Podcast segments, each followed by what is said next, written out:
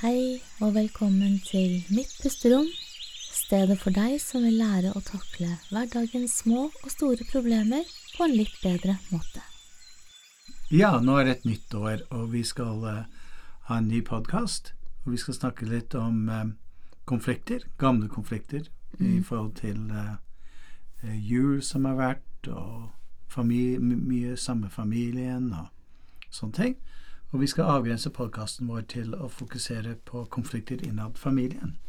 Ja, fordi når vi begynte å snakke om konflikter, så ble det jo fort klart at vi kan snakke om veldig mye. Og vi kunne snakket i mange timer. Det er et stort, stort tema. Så vi skal prøve å avgrense det mest innenfor familien og mm. familiekonstellasjoner.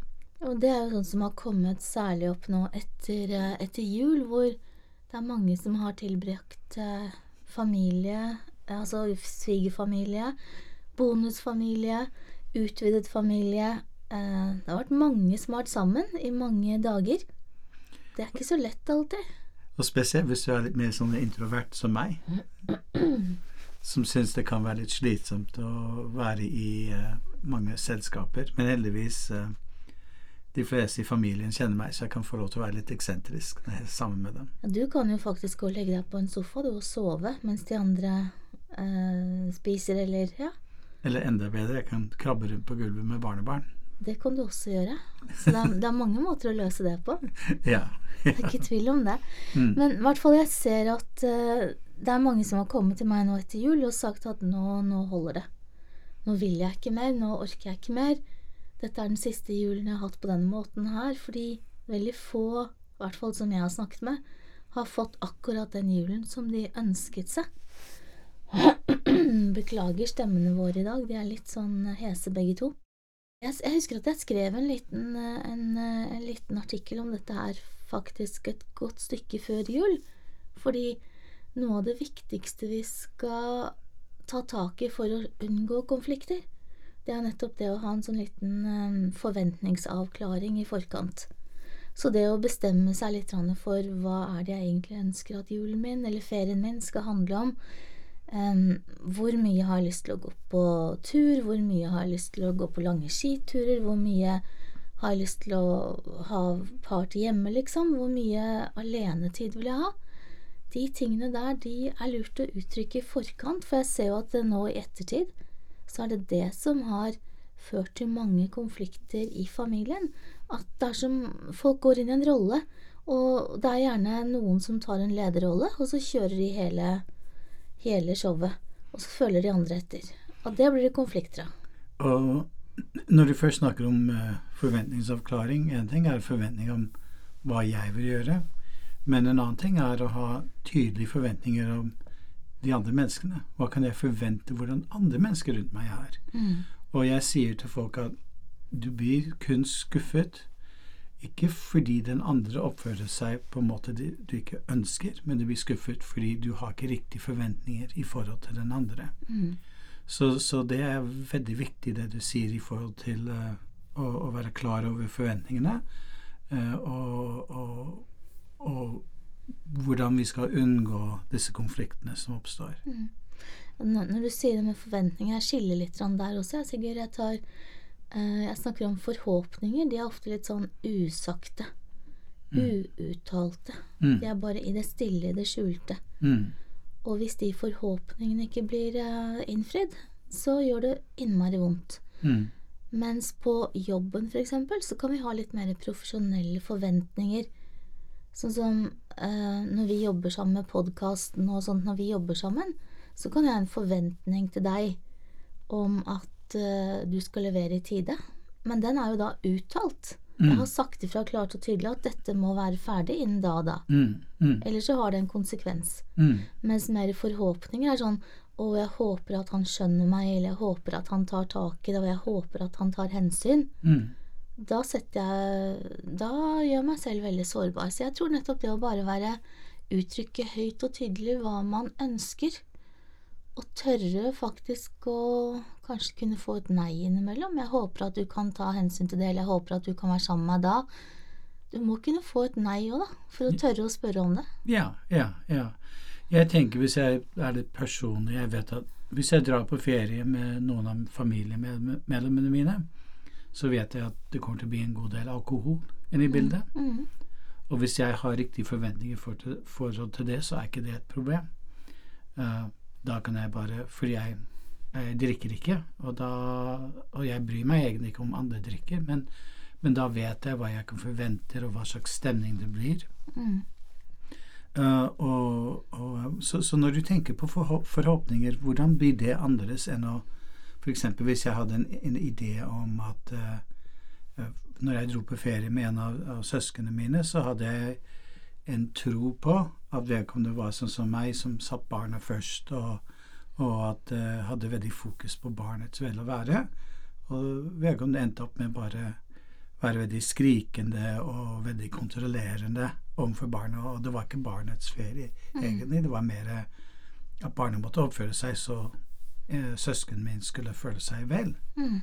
Og da tenker jeg jeg hadde en forventning om at mine søsken er mer sånn som meg, og, og da fikk jeg vite at de var ikke det. Så mm. hvor, hvordan ville du Da ville jeg vel egentlig ha skilt, for da, da er det kanskje noe liksom litt semantikk her, men da ville jeg veldig sagt at du hadde en forhåpning om at de skulle forstå deg, forhåpning om at de skulle ta hensyn til deg, eller forhåpning om at de skulle være som deg.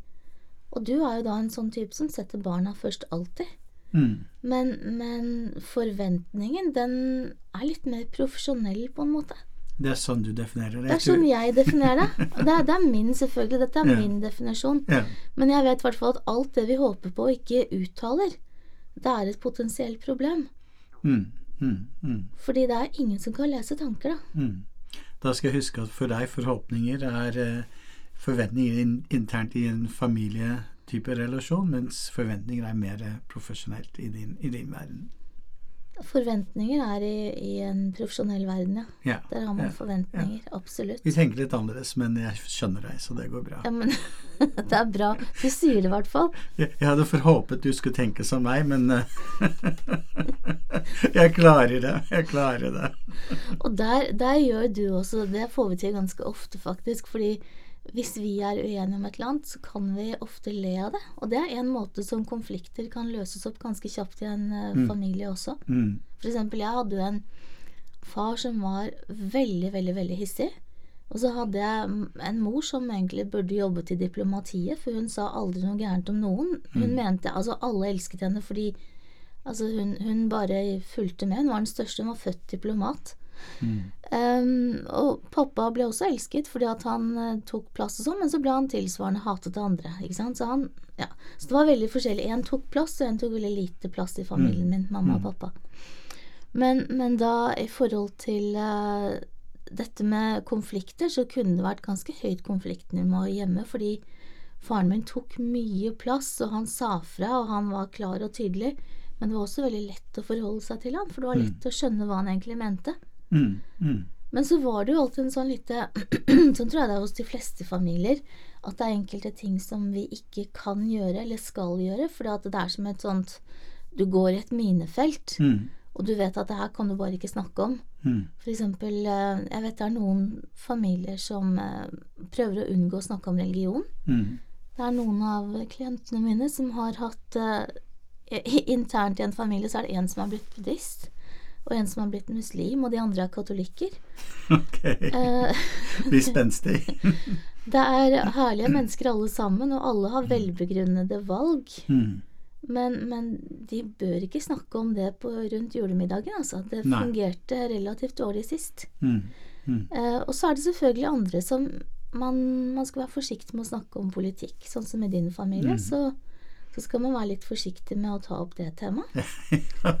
jeg har en bror som er dessverre en Trump-tilhenger, og, og, de bor i Arizona, og der uh, hele familien har blitt konvertert til trumpism. Mm. Og for meg er det bare ren galskap, men uh, så, så det, det, er et potensielt høyt konflikt. Ja, ikke sant. Så, så alle, jeg tror alle familier har noen sånne ting. Jeg mm. hadde mm, pappa, han, Måten å trigge han på, det gjorde jeg faktisk da jeg var tenåring. Så gjorde jeg det litt, litt av meg selv noen ganger, fordi Jeg var tenåring, og jeg skulle vise meg litt, og jeg visste at han var sinna og, og hissig. Og da så sa han til meg at jeg måtte ikke være så hissig, så jeg fikk bare ta meg sammen. Så tenkte jeg at da skal jeg jaggu meg bruke det mot han, så da gjorde jo jeg det jeg kunne for å trykke på hans knapper. Så sa jeg du får ta deg sammen, ikke være så hissig, sa jeg. Og det jeg gjorde for å få han til å klikke hver eneste gang, det var at jeg slapp ned alt. For jeg hadde veldig langt hår da jeg var ung. Jeg har jo fremdeles langt hår, men da var det kjempelangt. Eh, og det var mye av det. Og jeg slapp det alltid løs, og så trakk jeg ned liksom gardinen sånn at han ikke så øynene mine. Og så lente jeg meg over suppeskålen. og pappa hatet og hår i suppen. Han hatet hår i maten. Mm. Altså Hvis han fant et hår i maten, så kunne han ikke spise etterpå. Og så så han da meg tvers over ligge oppi suppeskålen, mm. og han klikket hver gang. og da slang jeg tilbake nå må du bare ta deg sammen, ikke bli så sinna. Ikke sant? Og da klikka han enda mer. Fordelen var at uh, han var aldri sint mer noen få sekunder, så gikk det over. For da var det også fort over i humor.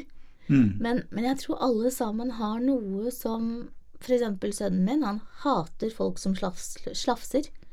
Han, mm. får, han, fikser ikke, han klarer ikke å mm. spise når det er noen rundt bordet som slafser, så da går han bare. Um, så det er ikke noe lurt på en julemiddag. Slafsende gjester. Når vi snakker nå, så minner meg om Gottmanns eh, forskning, hvor mm. de tok par sammen og skulle studere hva de gjorde. De, dette var par som hadde levd sammen i, i mange tiår mm. og hadde et vellykket ekteskap bak seg. Eh, eller fortsatt hadde et vellykket ekteskap. Og, og de hadde forventa at disse parene skulle være veldig flinke til å lytte på hverandre og være veldig gode og rause og sånn, sånne ting. Og det interessante var at eh, det var sjelden aktiv lytting som var nøkkelen til suksess. Det var oftest det å kunne le litt mm. eh, av hverandre, ikke ha, ha, måter å På en måte sånn som du gjorde med faren, diffuse the mm. situation. Mm. Det er litt usikker hvordan det ut... Nei, Jeg vil egentlig jeg bruker det samme Jeg er helt enig med deg. Og de har vel funnet at det er den største prediktoren for et langvarig forhold, er at man kan le sammen. Ja. Og det man da gjør, er at man normaliserer og nøytraliserer. Mm. Så da er det liksom ikke så farlig lenger. Man fleiper, fleiper, fleiper det bort, da. Ja, ja. Men vi har andre verktøy i verktøykassen i tilfelle man ikke syns at familiemedlemmene dine er så veldig morsomme, så du kan etterpå le av det. Det skal vi komme tilbake til. Men den myten om akterlytting som hovednøkkelen for å, å, dempe en konflikt i en familie, det er, det er en dårlig, dårlig ting å, å forsøke å få til. Mm. Jeg tenker at i dette med aktiv lytting så ligger det vel også en eh, tanke om respekt, mm. tror jeg. Mm. Som også er kjempeviktig. At man respekterer at man er grunnleggende forskjellig. For eksempel ja. med deg, da, din bror. Dere mener forskjell, veldig forskjellige ting eh, om, om, politikk. Mm. Mm. Men kjærligheten er jo på plass fremdeles. Ja. Altså, du er jo like glad i han, selv om han stemmer på en du ikke liker. Ja, absolutt. Og det, det handler ikke så mye om at han stemmer på en jeg ikke liker, men det går mye dypere på verdisyn og, og det å liksom og, og, og, hvordan du behandler andre mennesker. Mm. Eh, det som jeg tenker er veldig viktig, er å skille mellom, som du sier, kjærlighet og, og brorskjærlighet og det å, å, være for opphengt i å konfrontere og prøve å endre mm. uh, Når mennesket er i min verden hjernevasket, det er helt umulig å, å, komme inn på og skape en endring. Og dermed så er det mye bedre å bare akseptere og håpe på bedre tider. ja, ikke sant. For ting endrer seg jo. Ja. Det gjør det. Ta tiden til hjelp. Men, men da er vi tilbake til en annen ting. Vi snakker jo litt om konflikter og familie og sånt nå. Og en ting som jeg syns er litt spennende å se, er jo hvordan de forskjellige søsknene i en familie har forskjellige roller. Og de rollene er ofte noe som de har hatt med seg fra de var ganske små. Ja, ja, du har, har sett det mange ganger at det er ofte storebror eller storesøster som er den ansvarlige. Veldig mm. ofte. Mm. Og så har du et par stykker til, kanskje, og så har mm. du den lille søte. Mm. Som mm. er den som er kanskje en liten attpåklatt, som av og til blir bortskjemt. Mm. Nå er det veldig generalisert, dette her, men der poenget mitt er at jeg ser at de rollene som de hadde som små, er ofte noe som de tar med seg inn i eh, voksenlivet. det blir kanskje en del av et menneskes personlighet. Mhm. At eh, når man har tatt mye ansvar, eller man Mhm. har blitt søt og liten, Mhm. man håper på å, å fortsette å fylle den rollen i andre konstellasjoner. Ja, for jeg ser noen som har da flere av de som kommer til meg, er storesøsken. Mm. Um, for de er de ansvarlige. De skal rydde opp, de skal gå Mm. foran, de skal ta ansvar. De skal uh, ta vare på, ikke minst. Mm.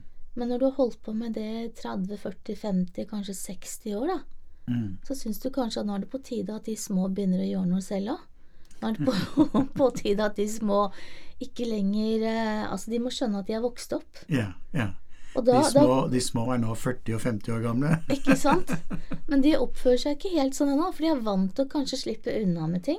Ja. De er vant til å få det sånn som de vil, og hvis de ikke får det som de vil, så kan noen av de i hvert fall, som jeg kjenner, fremdeles reagere med å bli ganske sure og ufine og litt sånn barnslige, kanskje. De skaper mye drama. Ja, Mm. Mm. mye drama. Ja, ja.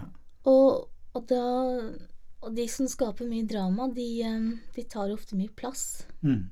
Hvis vi relaterer uh, dette til arveoppgjør, da, Mm. så ser vi at uh, veldig oftest uh, grådighet kommer inn.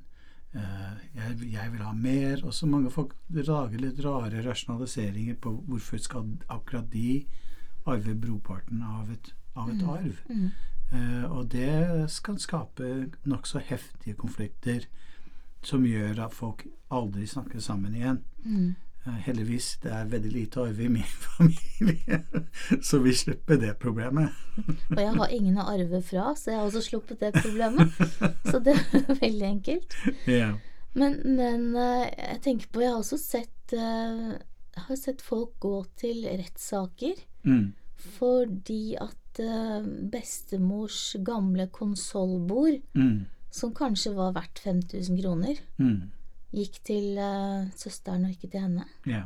ja. Og, Og det, og det, det handler jo ikke om dette konsollbordet. Altså, dette er mennesker som har mer enn nok uh, De har mange nuller på bankkontoen sin. Mm, Bak, mm, vel å mm. merke. Så det handler ikke De kunne kjøpt seg mange konsollbord. mm. Men det handler jo om å ha blitt sett Mm. da man, man er liten. Mm. Den å føle at liksom du er den som har blitt uh, Mm. Hva heter det? Uh, forskjell, altså forskjellsbehandling. Yeah. Du fikk mer oppmerksomhet av bestemor enn meg. Yeah. Eller mamma og pappa likte deg bedre. Mm. Eller du slapp unna med ting. Ikke sant? Det, det er så mye Eller kanskje jeg har stilt opp mer. Jeg har kommet oftere og besøkt bestemor enn meg, Mm. og likevel så skal hun gi konsollbordet til deg. Mm. Det mm. en følelse av urettferdighet og ikke ha blitt sett. Mm. Og ikke ha blitt inkludert, og ikke bli verdsatt, ikke minst. Mm. Det der gjør vondt, altså. Det gjør det. Det gjør det. det, gjør, det, gjør det. Og så er spørsmålet hva skal man gjøre med det hvis du er i en familie hvor det er et arveoppgjør, og én bror eller søster føler seg ikke sett opp gjennom årene. Du syns alt har vært rettferdig, og så tenker, tenker du arveoppgjøret skal være, være rettferdig. Her er, det, her er det viktig å kanskje tenke at hvis det gjelder en konsollbord som er ikke så mye, da er det kanskje lurt å bare si ok, jeg skjønner at du har behov for det, og kanskje det reparerer litt av den følelsen av å, å ikke bli sett. Men når det gjelder Men noen er mye mer grådige enn bare konsollbord. De skal ha eh, alle pengene, eller 90% av pengene, fra et, Mm. et boskifte. Mm. Og det er jo ved, veldig vondt og helt uakseptabelt Mm. i, for- i forhold til hvordan loven er, i hvert fall. Det er sant. Så da, da anbefaler jeg folk å bare gjøre kort prosess og ta det til offentlig skifte. Mm. Bare, fordi da er, det, da er det vanskelig, og du kan kreve det uten at det blir noe problem, men da går man glipp av den emosjonelle biten. Men så er tanken Kan man egentlig ha som mål å overbevise en søster eller en bror som er, som er helt bestemt på at de skal arve mer, eller de skal ha en ting? Når det er en så stor emosjonell investering, tror du det går egentlig an?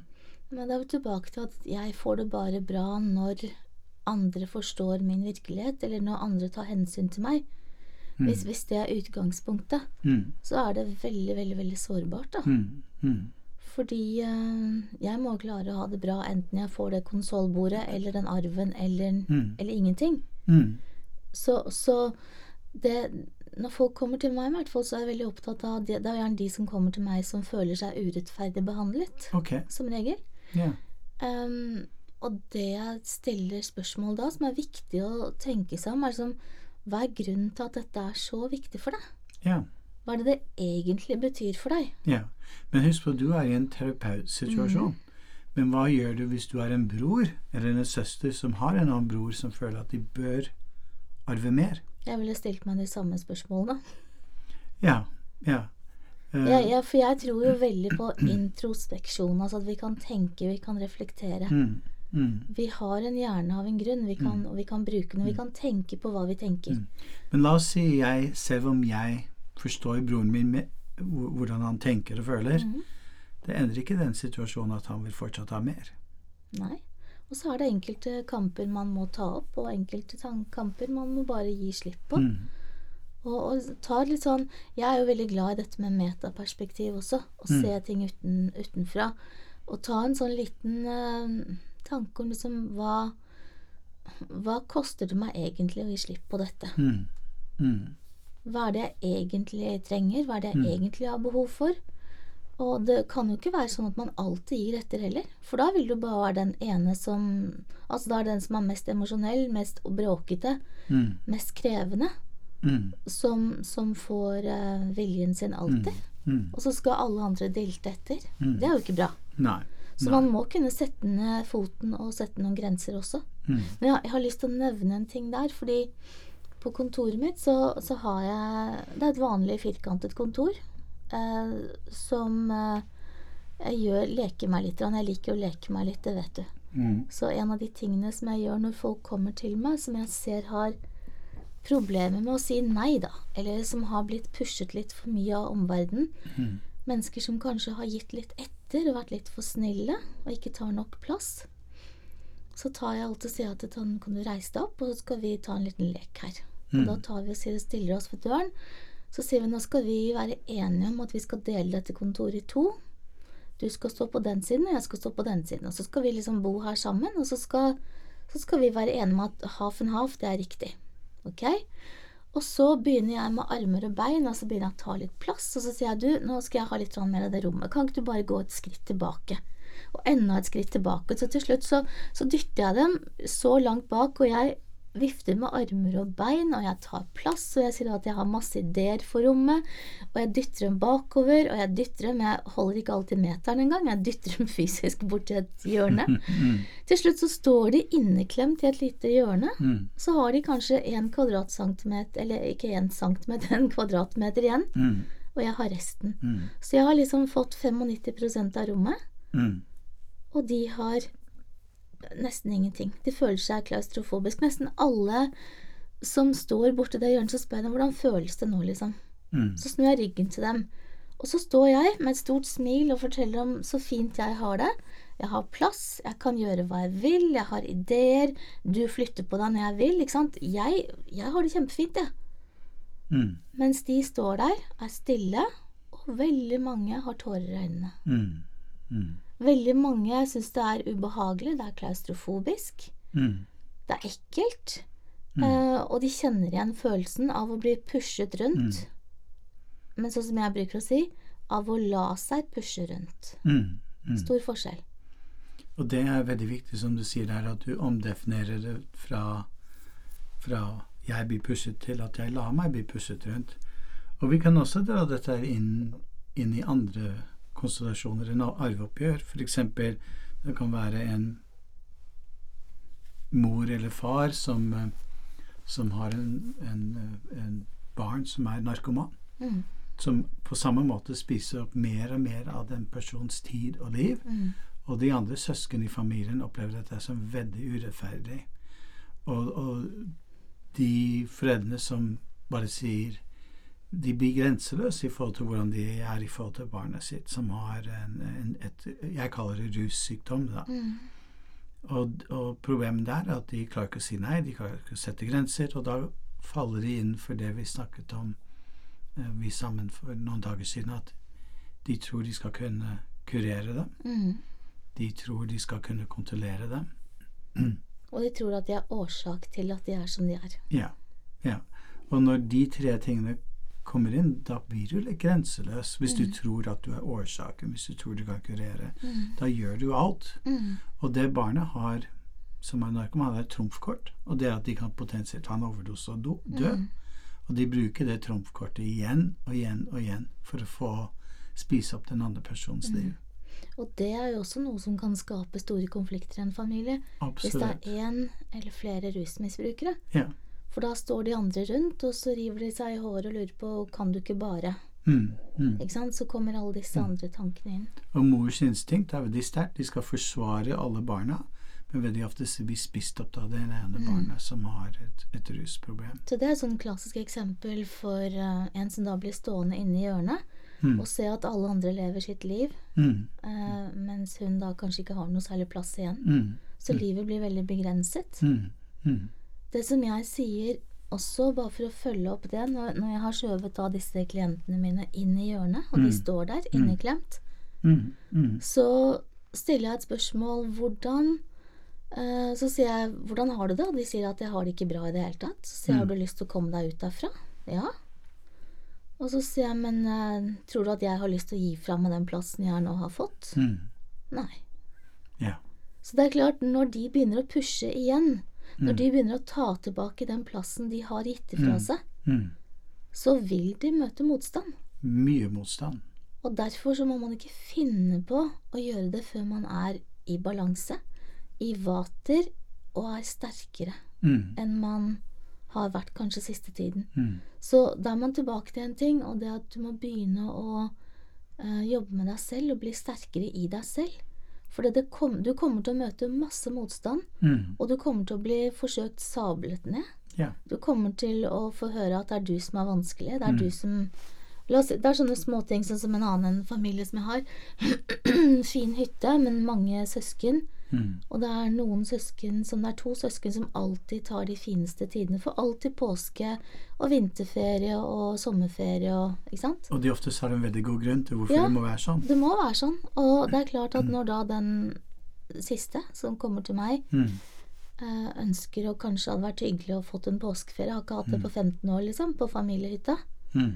Eh, Det er klart at hun kan ikke komme med en forsiktig pipestemme og si 'kan dere Nei. være så snill å ta hensyn til meg'? Nei. Hvorfor skal de det? De har ikke gjort det før, og hun har ikke laget noe problemer før. Nei. Så skal hun gjøre det, så må hun gjøre det med litt tyngde, hun må gjøre det med litt trøkk, og hun må gjøre det når hun har noe hun kan komme med. Hun må ha fakta, hun Mm. må ha styrke, og hun må kunne tåle å ta en kamp, da. Mm. For jeg tror at man absolutt skal ta noen kamper, men ikke alle kamper, selvfølgelig. Det er klart. Du må igjen, som du sier, du må først være i balanse Mm. og være sterk nok til å ta den kampen. Mm. En annen situasjon som kan oppstå, er hvis et barn er syk, Mhm. og mor og far bruker så mye tid på den syke barna at resten av søsken blir litt glemt. Mm. Og det kan oppstå konflikter på sikt i forhold til eh, de andre søsknene, hvordan de opplever familiedynamikken senere. Og da kommer det ofte den følelsen av urettferdighet, da. Ja. Og ikke har blitt verdsatt eller verdsatt, Mm. eller um, gitt nok oppmerksomhet og kjærlighet, kanskje. Mm. Mm. Mm. Så det er, det er så viktig hvis du er foreldre til småbarn, og du har et barn som er syk, at du er veldig bevisst det fenomenet at eh, Jeg har til og med hørt historier hvor eh, foreldrene har vært på sykehuset, og søsknene ble glemt bort i et hjørne, mens all oppmerksomheten gikk rundt det barnet som var i det tilfellet her døende. Mm. Og ingen Og foreldrene fikk sin egen sorg, men ingen, sorg, men ingen tok seg av lille, de lille søsknene som også var i sorg. Mm, selvfølgelig. Så det er eh, Det er fryktelig trist. Og når de, de da voksner opp, de har mye ubearbeidet eh, sinne, frustrasjon, sorg som, som må kommes, komme frem, og det kan skape veldig dårlig dynamikken i familien. mm. Hvis man tenker ut ifra litt sånn eh, Ja, det her handler litt om barnepsykologi og sånn, da, men du kan Mm. tenke deg som et lite barn. Hvis du føler at mor eller far ikke er der for deg når du er Mm. liten, Mm. det er liksom de to viktigste menneskene i livet ditt. Hvis ikke de er der, hvis ikke de støtter deg, hvis ikke de er glad i deg, Mm. hvem i all verden kan du stole på skal være glad i deg da?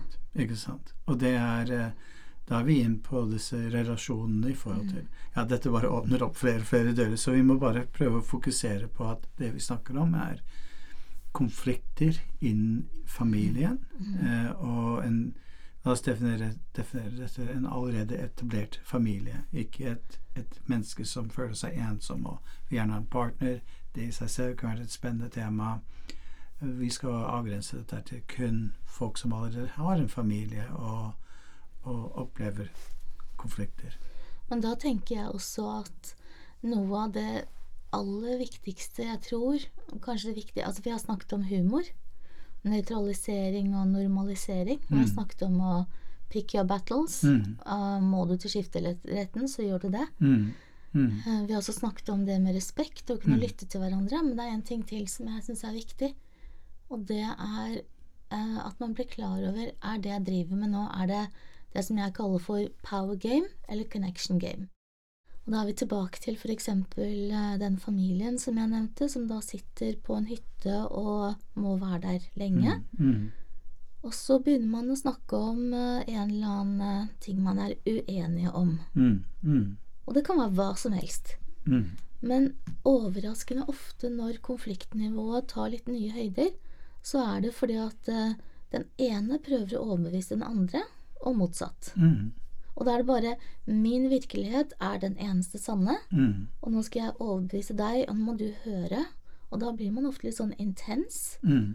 Energien endrer seg. Det kan føles litt sånn nesten gå litt i angrep. Mm. Eller begynne å blamere. Man kan begynne med kritikk eller forakt fordi at 'herregud, skjønner du ikke det heller'? Overdøve. Overdøve hverandre. Mm. Så, så det finnes mange måter som gjør at den her eskalerer når begge partene gjør det. Når begge partene prøver å overbevise den andre. Mm. Så, så det er det jeg kaller for power game. Yeah. For da er man bare sånn Man skal ha rett. Mm. Mm. Og det Og når jeg er veldig overbevist om å overbevise Altså jeg skal fortelle deg om at nå må du skjønne meg, så vil Mm. du sannsynligvis sitte mer og notere og eh, tenke ut argumenter. Vi kunne hatt en power game i begynnelsen av denne podkasten her, hvor jeg, du snakker om forhåpninger, og jeg snakker om forventninger. Mm. Og jeg har lyst til å skille de to. Ja, og jeg har lyst til å ha rett. At ja ikke sant? det dreier seg om det samme. Mm. Og Så- isteden så løste vi det med å le litt. Vi lo litt og respekterer at vi har Forskjellige ord på forskjellige ting. Ja. Ja. Ja. Så enkelt. Så Ja. enkelt kan det løses. Ja. ja. Ja, vi kan jo ikke akkurat sitte og krangle på en podkast. Det vil jo ikke Jeg vet ikke. det hadde tatt seg Vi skal være gode rollemodeller i forhold Eller kanskje det hadde, kanskje det hadde gått viralt? De kranglende terapeutene. Så Men, men uh, vi skal stoppe den. Og så tilbake til det som jeg snakket om. Power game er å prøve å overbevise den andre om at du har rett. Ja. Mens connection game er egentlig akkurat det samme, det motsatte. Mm. Da har man en annen liten lek, og det vil si at man leter etter hva man kan være enige om. Mm. Det er måten å løse en konflikt på. Mm. Og da kan man være enige om at f.eks. du og broren din, dere har to forskjellige politiske syn. Mm. Dere kan være enige om at dere har samme mor. Dere kan være enige om at dere har mange søsken. Mm. Dere kan være enige om at dere bor i forskjellige land, har forskjellige liv, har forskjellige familier. Mm. Dere har forskjellige syn på alkohol, f.eks. Mm. Dere kan være enige om forskjellene. Mm. Og det som skjer da, er at liksom, da begynner man å gå inn på det som vi kaller for, inn på NLP, så er det yes-set. Så det er jo en sånn manipulasjonsteknikk òg. Man kan bare snakke om alt det man er enig om. Men det gjør noe med energien. Mm. Det gjør noe med at man nærmer seg med hverandre. Mm. Man begynner å lete etter likheter. Mm. Og når man begynner å nærme seg hverandre, Mm. med kanskje et smil, og man kan minnes litt og mimre og kose seg og ha det litt gøy, Mm. så plutselig så er det ikke så farlig likevel. Da får du bare Jeg syns fremdeles du er en tulling, liksom, men Mm. ok, du er broren min. Mm, mm.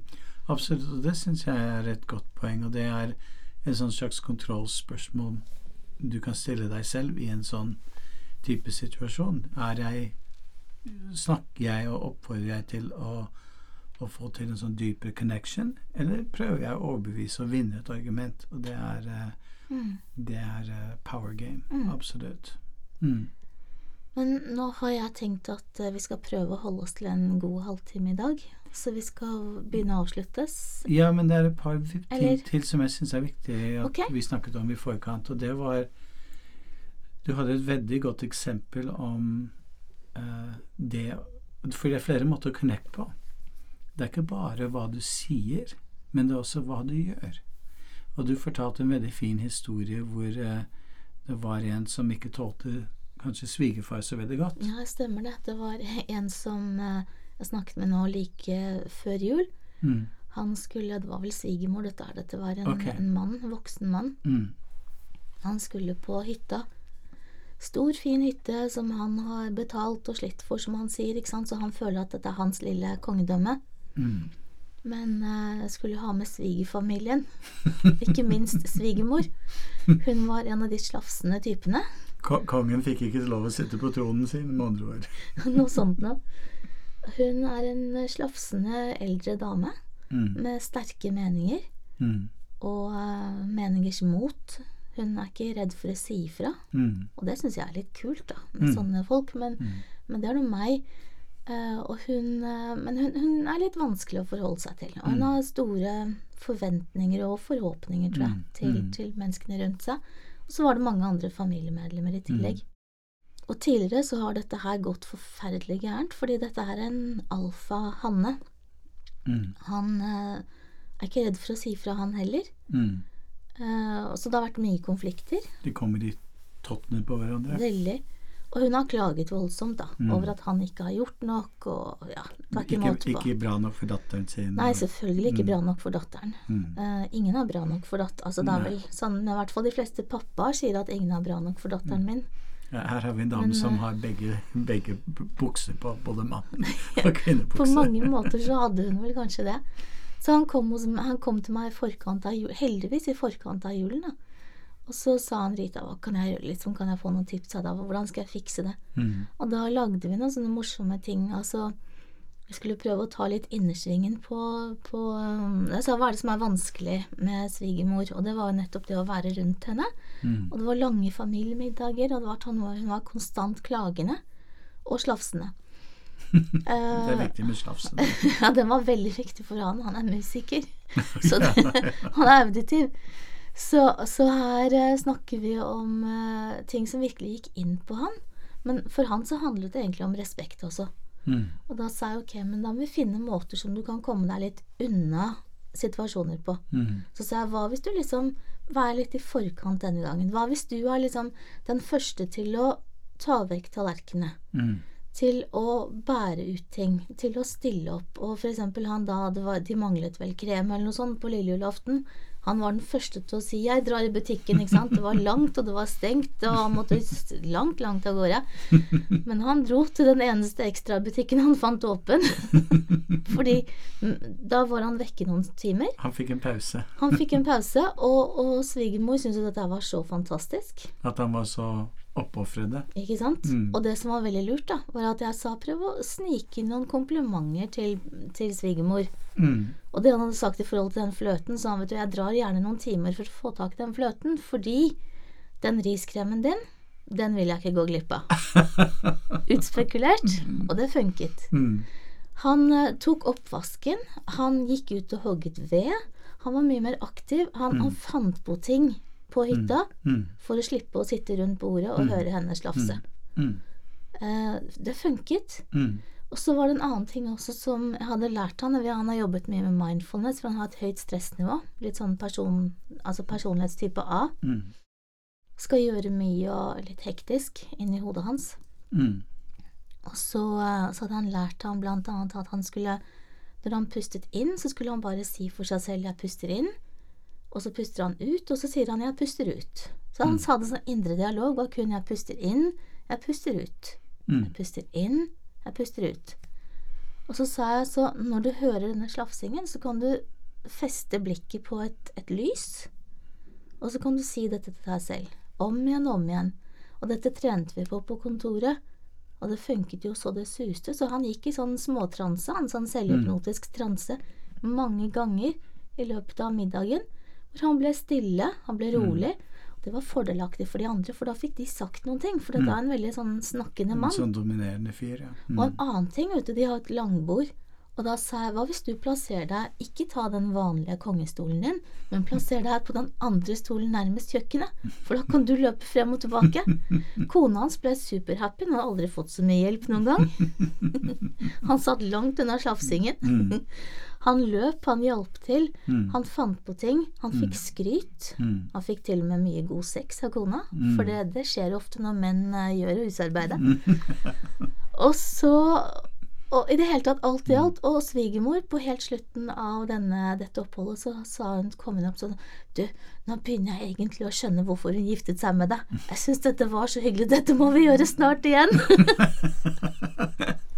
det vil si være med på hytta. det var litt for vellykket, kanskje. Så, så, jeg mener dette er et typisk eksempel på en som da tar kontroll. Mm. For det er i en konflikt, da, hvis du sitter fast i en konflikt og føler deg hjelpeløs, hvis du ikke kan gjøre noe, mm. Da går stressnivået voldsomt mm. opp. Bekymringene, angsten mm. og tunge tanker, og det er veldig negativt. Mm. Så i forhold til konflikter og sånn, vær litt i forkant og tenk hva kan jeg gjøre for å unngå å tråkke på noen miner? Hva kan jeg ta kontroll over? Mm. Og hvordan kan jeg påvirke dette her på en positiv måte? Kjempebra. Hvis vi bare oppsummerer litt, så har jeg det bildet du skapte i stad om det å være på kontoret ditt, hvor uh, vi blir enige om at, at, man må ivareta sin space, så man ikke blir skjøvet i et lite hjørne. Og det, vi kan kaste ut den ideen om aktiv lytting, at det skal være en måte å opprettholde grensene. Og da kan vi heller kanskje være mer klar over hva forventer jeg, eller hva håper, håper jeg skal skje. Vi kan kanskje være mer klar over normalisere og le litt. Eller være aktiv på en eller annen måte, så at man har et fokus hvor man ikke, ikke lar seg bli presset i et hjørne, men man, man, tar den plassen man skal ha på en god måte, og, og da unngår man disse konfliktene. Og så kommer jeg på en ting til som er ekstremt viktig når det kommer til konflikter. Mm. Det er jo dette med positiv intensjon. Hvis du ja. leter etter den positive intensjonen i den andre menneskets mm. atferd, mm. så, så, vil ofte Så vil man få litt mer forståelse. Mm. Litt mer innsikt, og kanskje nesten synes synd på dem noen ganger. Yeah. For det er en sånn Det høres litt ille ut, men jeg har av og til Jeg jobber jo mye med konflikter. Mm. Eh, på kontoret, mye med familie, med gruppedynamikk som har gått litt gærent. Har vært mye ute og jobbet i mm. bedrifter og sånn før. Og da er det alltid en eller to som liksom henger seg litt opp, og som ikke vil gi slipp. Og mm. da tenker jeg liksom ok, punkt én, hva er liksom intensjonen for å tviholde på den sannheten? Hva, mm. hva er som, hvorfor er dette så viktig? Og andre ganger så er det rett og slett stakkar, han mm. eller hun vet ikke bedre. Mm. Mm. Altså Hvis du er skeptisk til alle mennesker, så har du antagelig ikke møtt så mange hyggelige, da. det er kanskje en god grunn. Så la oss komme tilbake til med positiv intensjon i neste podkast, når mm. vi snakker litt mer om forventninger, jobb, gossip som baksnakking. Ja, for vi ting. har så mye mer å si om konflikter, og, uh, og, nå tenkte vi å ta det litt fra familien til uh, jobbsituasjonen neste gang. Så jeg håper at dere som lytter, har fått noen praktiske tips, og kanskje fått en litt annen forståelse for hvordan du skal møte konflikter innad i familien. Mm. Da sier vi takk for oss for den gang, så høres vi.